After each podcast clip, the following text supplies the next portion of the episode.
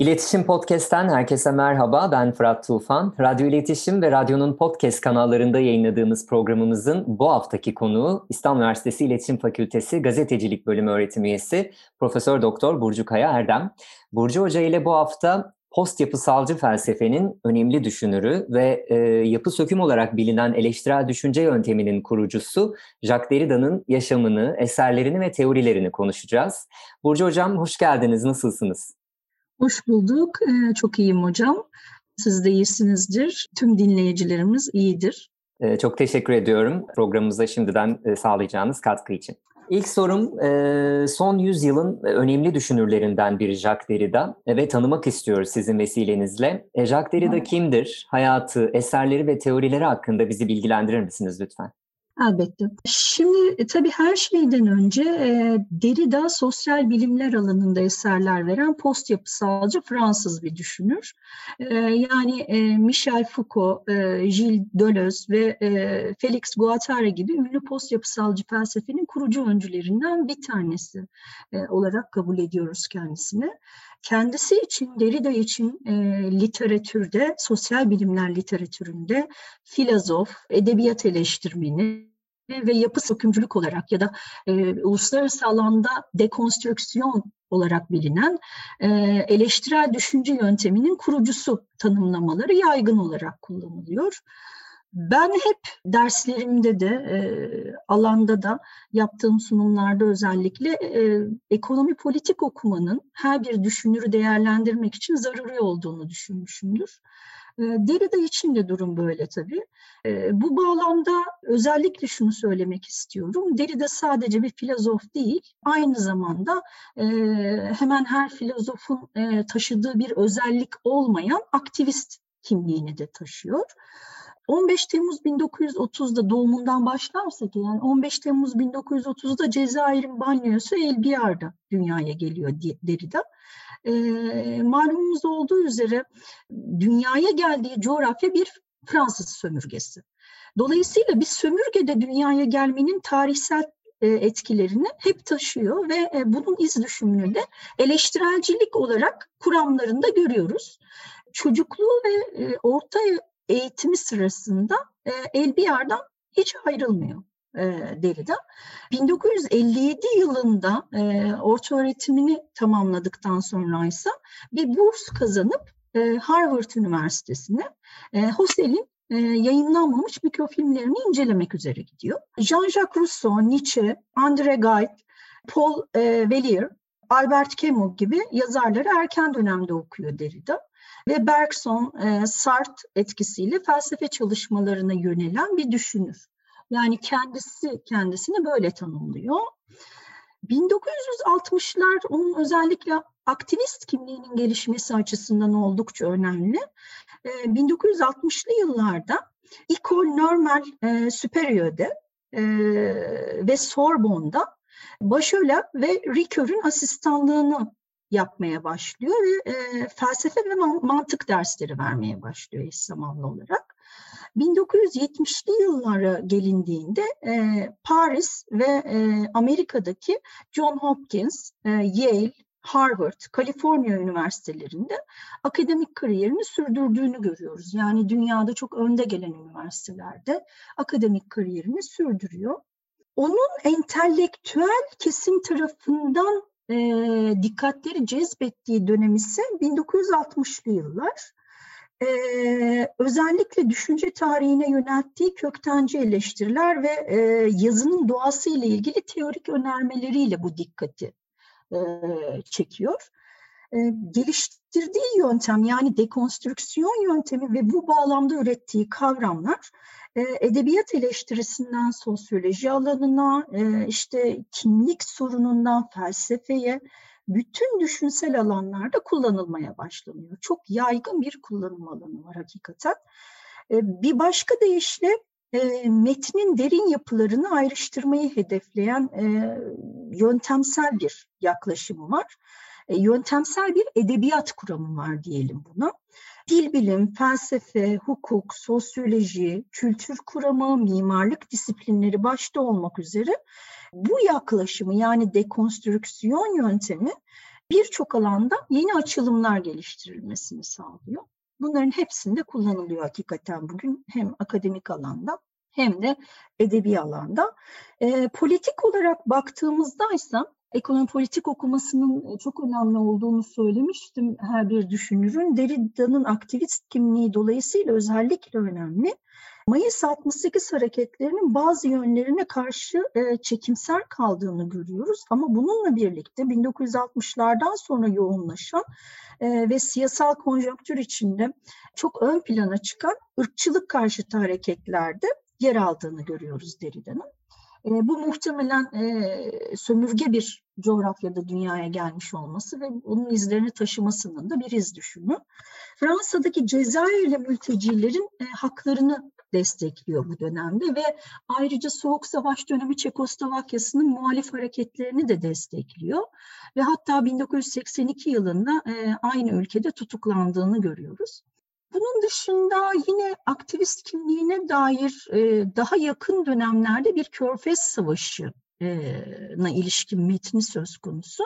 Körfez Savaşı sırasında e, Alman filozof Habermas'la birlikte Frankfurter Allgemeine de e, kaleme aldıkları bir yazı var. E, bu yazıyla dünya entelektüellerini Amerika'nın Irak'a karşı e, giriştiği e, saldırıya karşı e, tavır almaya çağırıyorlar. E, ve Avrupa'nın dünyadaki yerini e, bu bağlamda yeniden tanımlamaya girişiyorlar tabii kendi adlarına da.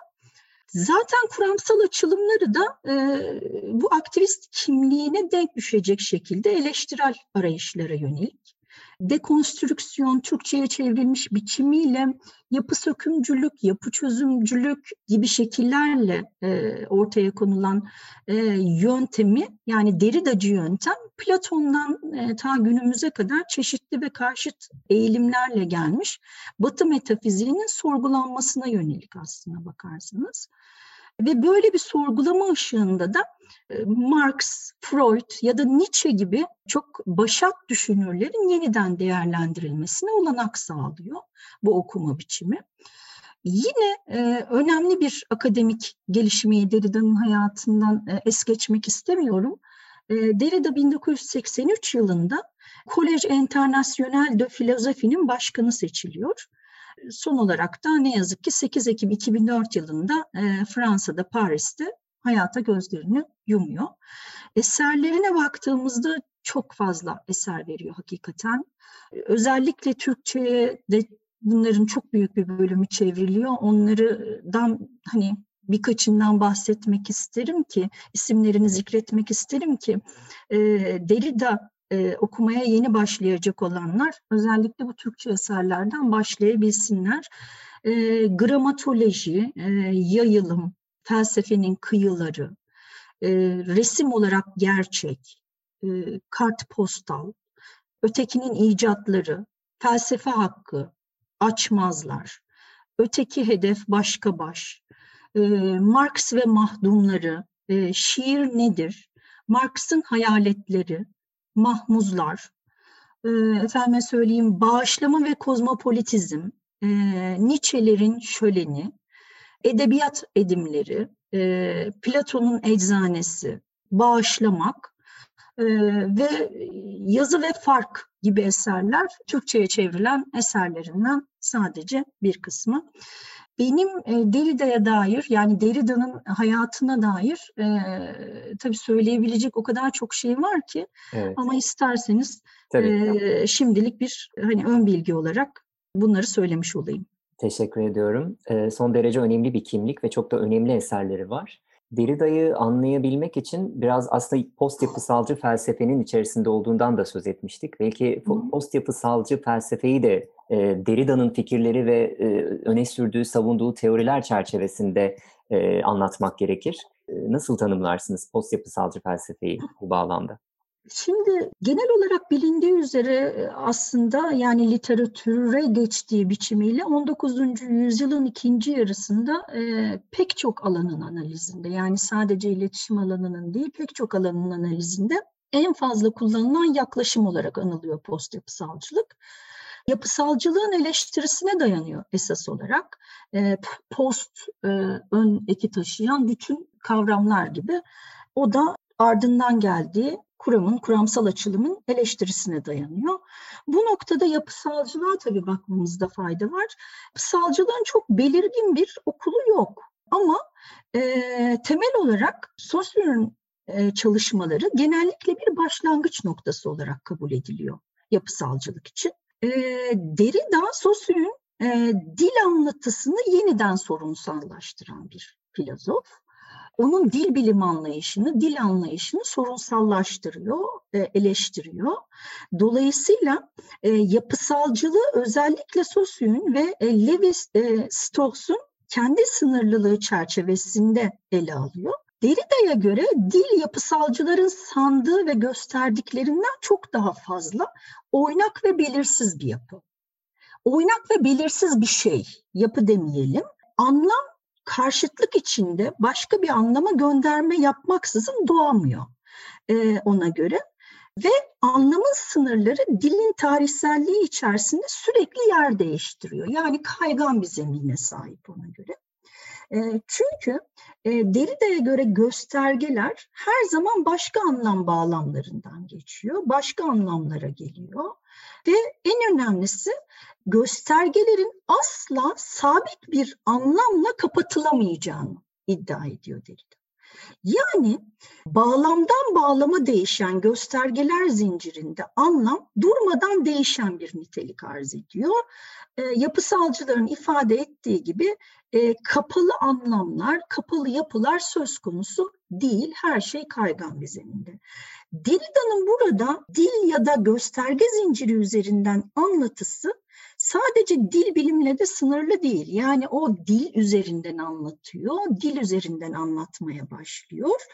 Ee, ancak tüm davranış ve olguların okunmasında aynı sabitlenemez anlam düşüncesi hakim ve bunun hakim olması gerektiğini iddia ediyor zaten. Mesela yapısalcı hareket çerçevesinde insan davranışları ve olgular büyük sistem ve yapılar aracılığıyla e, incelenmeye ve e, açıklanmaya çalışılır. İşte nedir bu sistem ya da yapılar?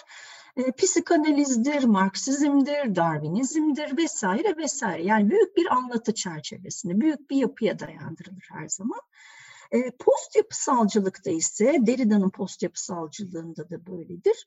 Eleştirel e, post yapısalcılık dediğimiz şey eleştirel dikkatini ve iyiliş etme e, yöntemlerini yani herhangi bir metni eleştirel olarak okuma yöntemlerini bu büyük sistem ve yapılara yöneltir.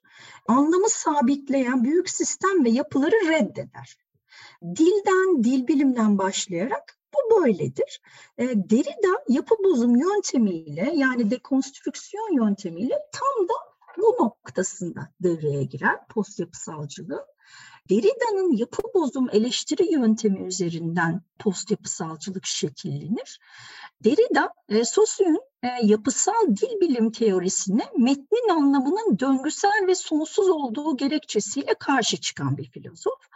Tabii dekonstrüksiyon yöntemi tarihten psikanalize kadar birçok alanda kullanılan bir yöntem olarak dikkatimizi çekiyor demiştim. Çünkü yapısalcılığın dayandığı sistem ve yapılar da dille sınırlı değil. Dolayısıyla hepsini çözüme uğratması lazım. Derrida'nın post yapısalcılığı da e, tarihten hukuka, hukuktan edebiyata, edebiyattan psikanalize, oradan dine kadar pek çok alanı kuşatan e, Batı metafiziğinin genel eleştirisine yöneliyor son kertede. Yani Derridaryen post yapısalcılık bütün bu alanların temel şemsiyesi olan, e, hepsini tek şemsiye altında toplayan Batı metafiziğinin genel eleştirisine yönelik. E, Batı metafizik düşünce geleneğinin e, akademik veya edebi ya da dini metinleriyle kurduğu, sürdürdüğü sabit, kesin, mutlak anlam fikrini yerinden etmeye çalışıyor. Yani onun öne sürdüğü dekonstrüksiyon yöntemi, Derrida'nın öne sürdüğü dekonstrüksiyon yöntemi e, açısından e, bir post yapısalcılık tanımı yaparsam ben son kertede şunu söyleyebilirim. Po, onun post yapısalcı felsefesi metni yapı bozumu uğratarak anlamı erteleyen, kesin, mutlak bir anlam yerine çok anlamlılığı savunan felsefe tarihi açısından önemli bir e, dönüşüm noktası. Evet.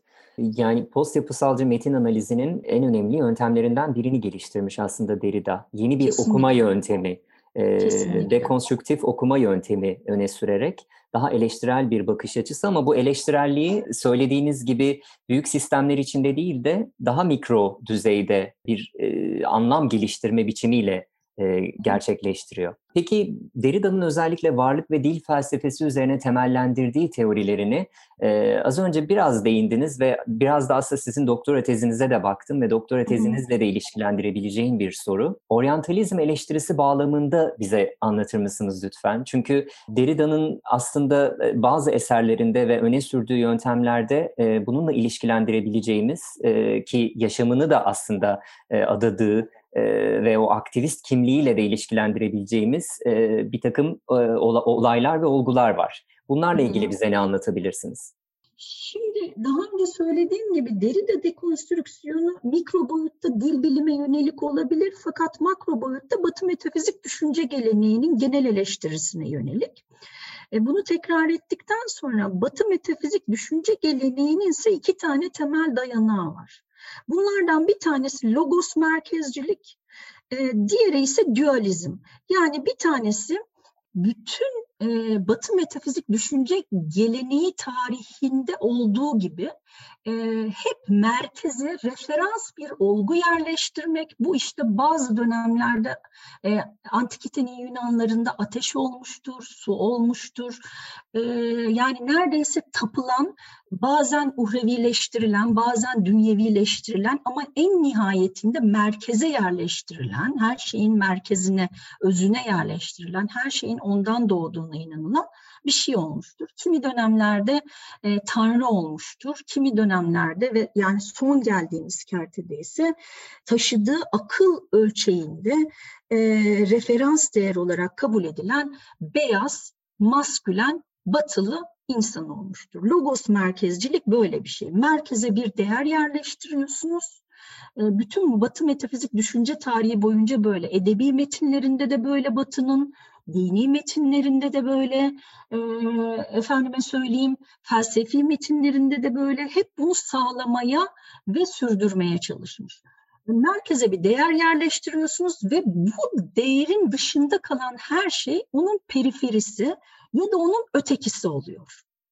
Sonra e, ve ona yaklaştığı ölçüde makbul ondan uzaklaştığı ölçüde gayrimakbul oluyor. Yani siz bugün batılı taşıdığı rasyonel akıl ölçeğinde insan olan, o rasyonel çok netameli bir kavramdır takdir edersiniz ki.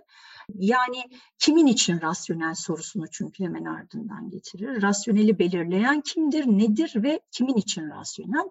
Taşıdığı rasyonel akıl ölçeğinde insan olarak sayılan e, beyaz, maskülen bir tipoloji merkeze yerleştirilmiştir. Buna yaklaştığınız ölçüde makbulsünüzdür her yerde. İş dünyasında, günlük hayatta, her yerde e, ya da uluslararası konjonktürde e, bundan uzaklaştığınız ölçüde gayrimakbulsünüzdür. Logos merkezcilik böyle bir şey. İkinci ayağı ise Batı metafizik düşünce geleneğinin dualizm. Dualizm de ikircilik demek. Yani logos merkezciliğe inan inandığınız zaman yani bununla yaşamaya başladığınız ve e, zihinsel tüm kriterleriniz ve haritanız zaten bununla e, çizilmeye ve örülmeye başlandığı zaman otomatikman dualist üretimlere başlıyorsunuz. Yani dualizm ikircilik yani e, dikotomilerle düşünmek, dikotomik düşünmek. Siyah beyaz, e, maskülen feminen, kadın erkek gibi her şeyi ikiliklerle düşünmek. Bizim anlam haritamız da böyle. Yani bütün batı eğitiminin ilmeğinden geçmiş herkesin anlam haritası bu ikiliklerle kurulmuş durumda. Biz bunu ister kabul edelim ister etmeyelim. Yani biz ötekilerimizi çok kolay belirliyoruz bu dualist anlayıştan dolayı. Şimdi Derrida'nın yöntemi temelde buna savaş açıyor aslında. Yani Batı metafizik düşünce geleneğine savaş açarken aslında Batı metafizik düşünce geleneğinin bu iki ayağına, logos merkezcilik ve bunun sonucu olan dualiz, dualizme yani ötekileştirmenin kaynağı olan ikiliklere savaş açıyor. Buradan hareketle şunu söyleyebilirim oryantalizm için. Avrupa'nın e, takdir edersiniz ki oryantalizm de bu ikiliklerle alakalı. Yani doğu batı ikilemine yönelik bir şey oryantalizm. Avrupa'nın düşünsel tarihini oluşturan Batı metafiziği günümüze kadar uzanan etkileriyle ötekilik, ötekileştirme, eylem, söylem ve pratikleri açısından çok önemli bir yer teşkil ediyor. Dekonstrüksiyonun da Batı metafizik düşünce geleneğini e, logos merkezcilik ve dualizm kapsamında açtığı savaş ekseninde e, duyarsız kalması mümkün değil tabii. Çünkü dekonstrüksiyon dediğimiz yöntemle metafizik gelenek boyunca üretilen e, varlık e, ve var olanlar ayrımı, varlık e, hikmetinden sual olunmaz, ortaya çıkmak için, zuhur etmek için kendisinden başka hiçbir şeye ihtiyaç duymayan şey demektir. Tanrıdır mesela varlığın karşı, karşılığı. Ee, insan düşüncesinde. Var olanlarsa onun yaratımları ve iz düşümleridir. Şimdi dekonstrüksiyonla metafizik gelenek boyunca üretilen bu varlık var olanlar ayrımı tartışmaya açılıyor bir kere. Töz arayışı, hakikat arayışı, töz e, o merkeze yerleştirilen logos dediğimiz şeydir. O idiş edilmeye başlanıyor. Yani sırrı kazınmaya başlanıyor. Rönesans'ın etkisiyle e, ulaşılan e, logos e, yani insan aklı ve ben idraki, e, efendime söyleyeyim Descartes'in dualizmi, e, aydınlanma felsefesinin özne nesne ayrımı bunlar hep dualist ikilikleri denk düşer ve bizim ötekileştirmelerimizi pekiştirir. İdealizme içkin kendilik bilinci e, yeniden okunmaya başlıyor dekonstrüksiyonla. Çünkü bütün bunlar bunların aracılığıyla bilgiye hakim olan batılı öznenin kendini merkezde konumlandırma ve hiyerarşik olarak o e, ikilikte üst olma imkanını elde etmesini sağlayan şeyler. Bu anlayış tarihsel olarak beraberinde batılı özne dışındaki her şeyin nesneleştirilmesi anlayışını getiriyor. E, batılı özne böylelikle hakikatin, değerlerin belirleyicisi yani her şeyin referans değeri oluyor. Yani hani o logos merkezcilikte merkeze yerleştirilen şey demiştik ya her şeyin yani çevresindeki her şeyin ondan referans alınarak adlandırıldığı, dolayısıyla gerektiğinde ötekileştirildiği şey. Batılı özne tam bu merkeze oturuyor. Ve e, böylelikle Batı'nın ötekisini temsil eden Doğu ve Doğulu özne bütün değerlerin tam karşısında yer alan öteki konumunu temsil eder hale geliyor. Bu bağlamda biz oryantalizmi yani ben tezimde de e, tabii bu açıdan ele aldım bir eleştirelci olarak. Derrida dekonstrüksiyonu noktasında baktığımızda e, nütral anlamıyla tarif edemiyoruz. Nütral anlamıyla aslında oryantalizm dediğimiz şey Orient'in yani Do Orient yani Doğu dünyasına yönelik çalışmalar demek. Yani tam e, ta Viyana konsülünden beri Avrupa'da e, kurulan okullarla vesairelerle Batı şey Batı dünyasını Doğu dünyasına yönelik bir ilgisi söz konusu. O ilgi çerçevesinde üretilen çalışmalar aslında oryantalizm, oryantalist çalışmalar. E, ama bu çok e, nötr, çok nitral bir okuma. Böyle tanımlayamıyoruz dekonstrüksiyon yönteminden hareket ettiğimizde, Derridaryan yöntemden hareket ettiğimizde oryantalizmi. Daha ziyade şöyle tanımlamak gerekiyor. Oryantalizm Batı dünyasının Doğu ülkeleri üzerinde hakimiyet oluşturmalarına yol açan ön yargılı fantazilere, imajlara ve hayallere dayalı düşünce sistemidir. Bu açıdan eleştirel olarak değerlendirir, değerlendiririz. E, Derridaryan dekonstrüksiyon çerçevesinde oryantalizmi değerlendirdiğimizde. Tabii e, bu tanımdan yola çıktığımızda ötekinin yaratımı dualist epistemoloji e, yani ikircikli, her şeyi ikiliklerle okuyan e, epistemoloji çerçevesinde salt doğu-batı karşıtlığını yani ben olarak batıyı ve öteki olarak doğuyu inşa etmekle kalmıyoruz. e, mesela Doğu ve Batı kendi iç ötekilerini de inşa ediyorlar. E, ötekileştirmeye dönük pratiklerden ötekileştirmenin yönetimine kadar geniş bir alanda öteki kavramı tartışmaya açılıyor. Mesela Türkiye gibi ülkelerde yani Huntington'ın torn ülke, yırtık ülke dediği ülkelerde e, ülkenin kendi içinde de e, doğulu batılı işte geleneksel modern ayrımının belirgin olması. E, bu yüzden yani bizim kendi içimizde de e, sadece ülkeler arasında değil Türkiye'nin kendi içinde de ciddi bir oryantalizm e, ve self oryantalizm potansiyeli var. Deridaryen dekonstrüksiyon çerçevesinde ben e, böyle tanımlıyorum e, evet. oryantalizmi. Peki Burcu Hocam son olarak dünyadaki e, örnek çalışmalardan da yola çıkarak iletişim bilimleri alanında çalışan ya da çalışmayı planlayan araştırmacılar e, sizce Jacques Derrida'nın teorileri çerçevesinde hangi konulara yönelmeliler? Onlara önerileriniz var mı? E, oldukça da ilgi çekici. E, post yapısalcı çalışmalar e, ekseninde karşımıza aslında sıklıkla çıkan Derridaryan çalışmalar var. Bu, bu kapsamda neler önerebilirsiniz? Şimdi Sayın Hocam, ben öncelikle sadece deride değil, özellikle e, genç akademisyenlerde, işte öğrencilerimde gördüğüm e, temkinli bir yaklaşım var. Post yapısalcı Fransız filozoflara karşı bu okuma zorluğundan kaynaklanıyor anladığım kadarıyla. Bu sadece Derrida'ya yönelik bir şey değil. Michel Foucault, e, Gilles Deleuze, Felix Guattari gibi e, bütün post yapısalcı teorisyenlerin okunması ve anlamlandırılması noktasındaki zorluk e, kaygısından kaynaklanıyor sanırım. E, genelde söz konusu teorisyenleri okumaya mesafeli yaklaşıyorlar.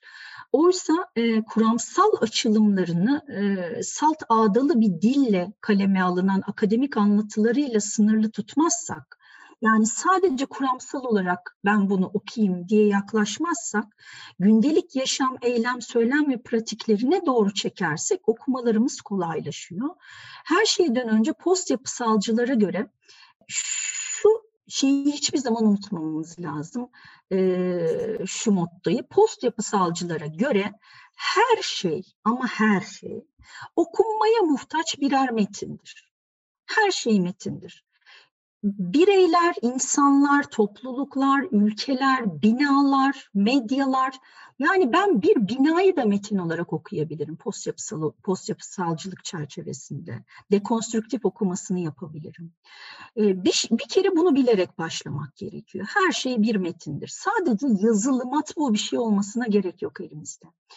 Biz Derrida dekonstrüksiyonunu sadece Batı metafizik düşünce geleneğinin eleştirel okumasına yönelik bir yöntem olarak ele alırsak ya da böyle okumaya kalkarsak Derrida'yı veya yöntemini hiçbir zaman anlamlı bir okuma biçimi olarak kullanamıyoruz.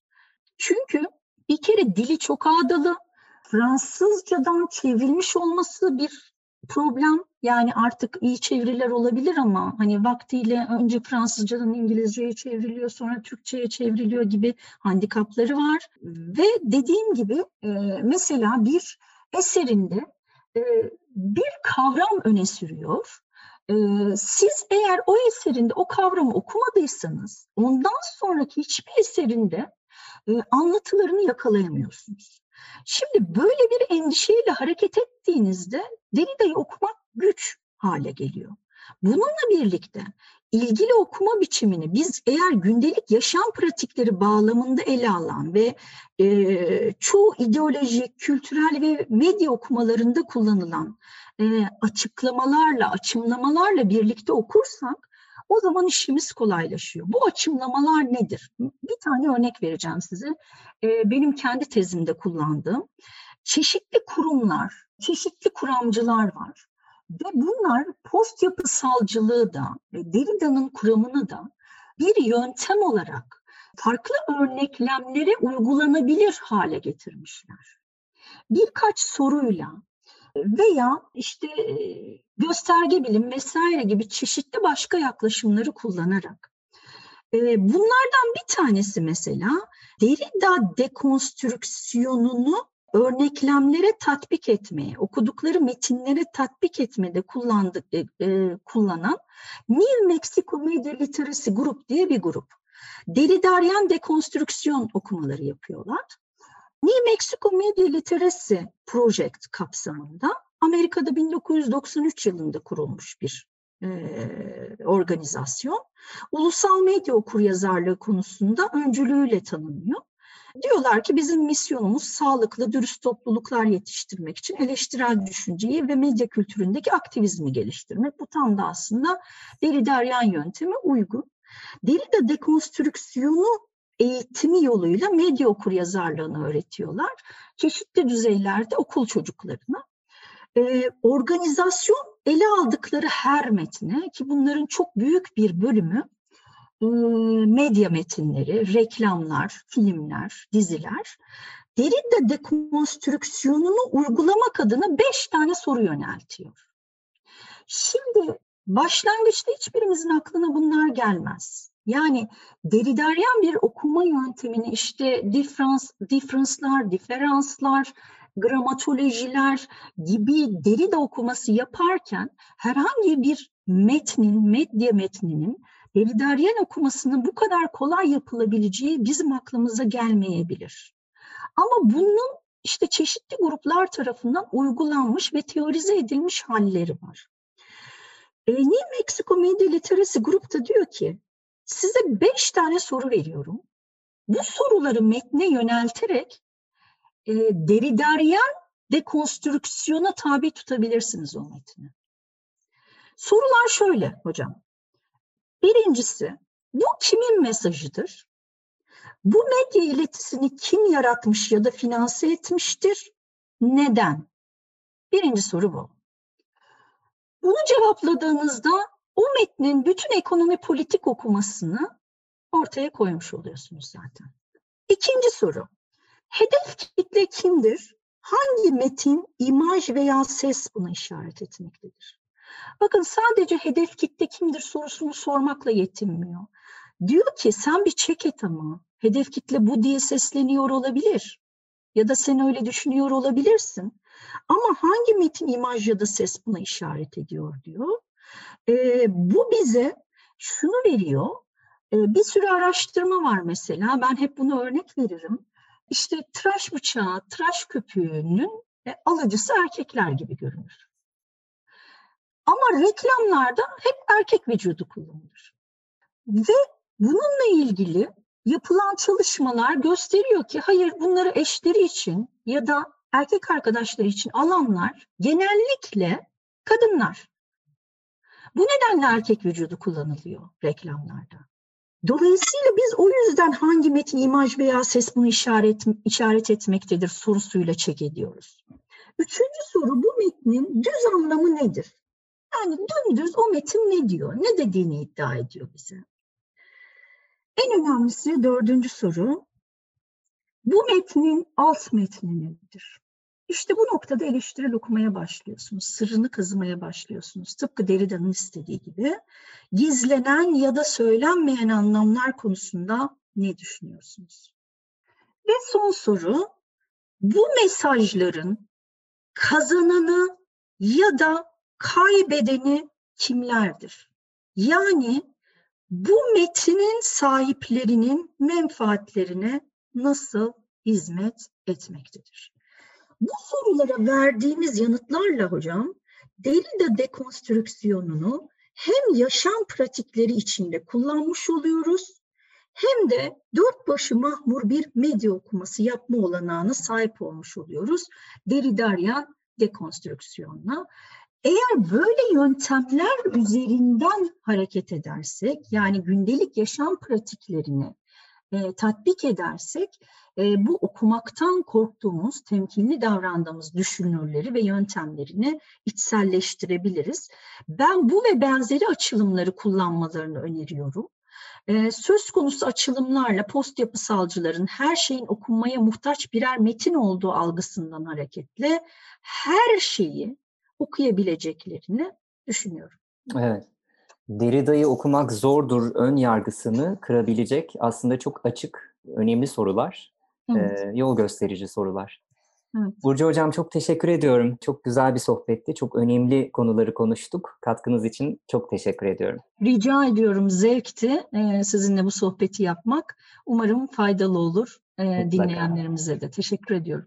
İletişim Podcast'te bu yayın döneminin son programında Profesör Doktor Burcu Kaya Erdem'le post yapısalcı felsefenin önemli düşünürü Jacques Derrida'nın yaşamını, eserlerini ve teorilerini konuştuk. Herkese sağlıklı ve mutlu bir yaz tatili diliyorum. Yeni konu ve konuklarla önümüzdeki yayın döneminde tekrar buluşmak dileğiyle herkese sevgiler.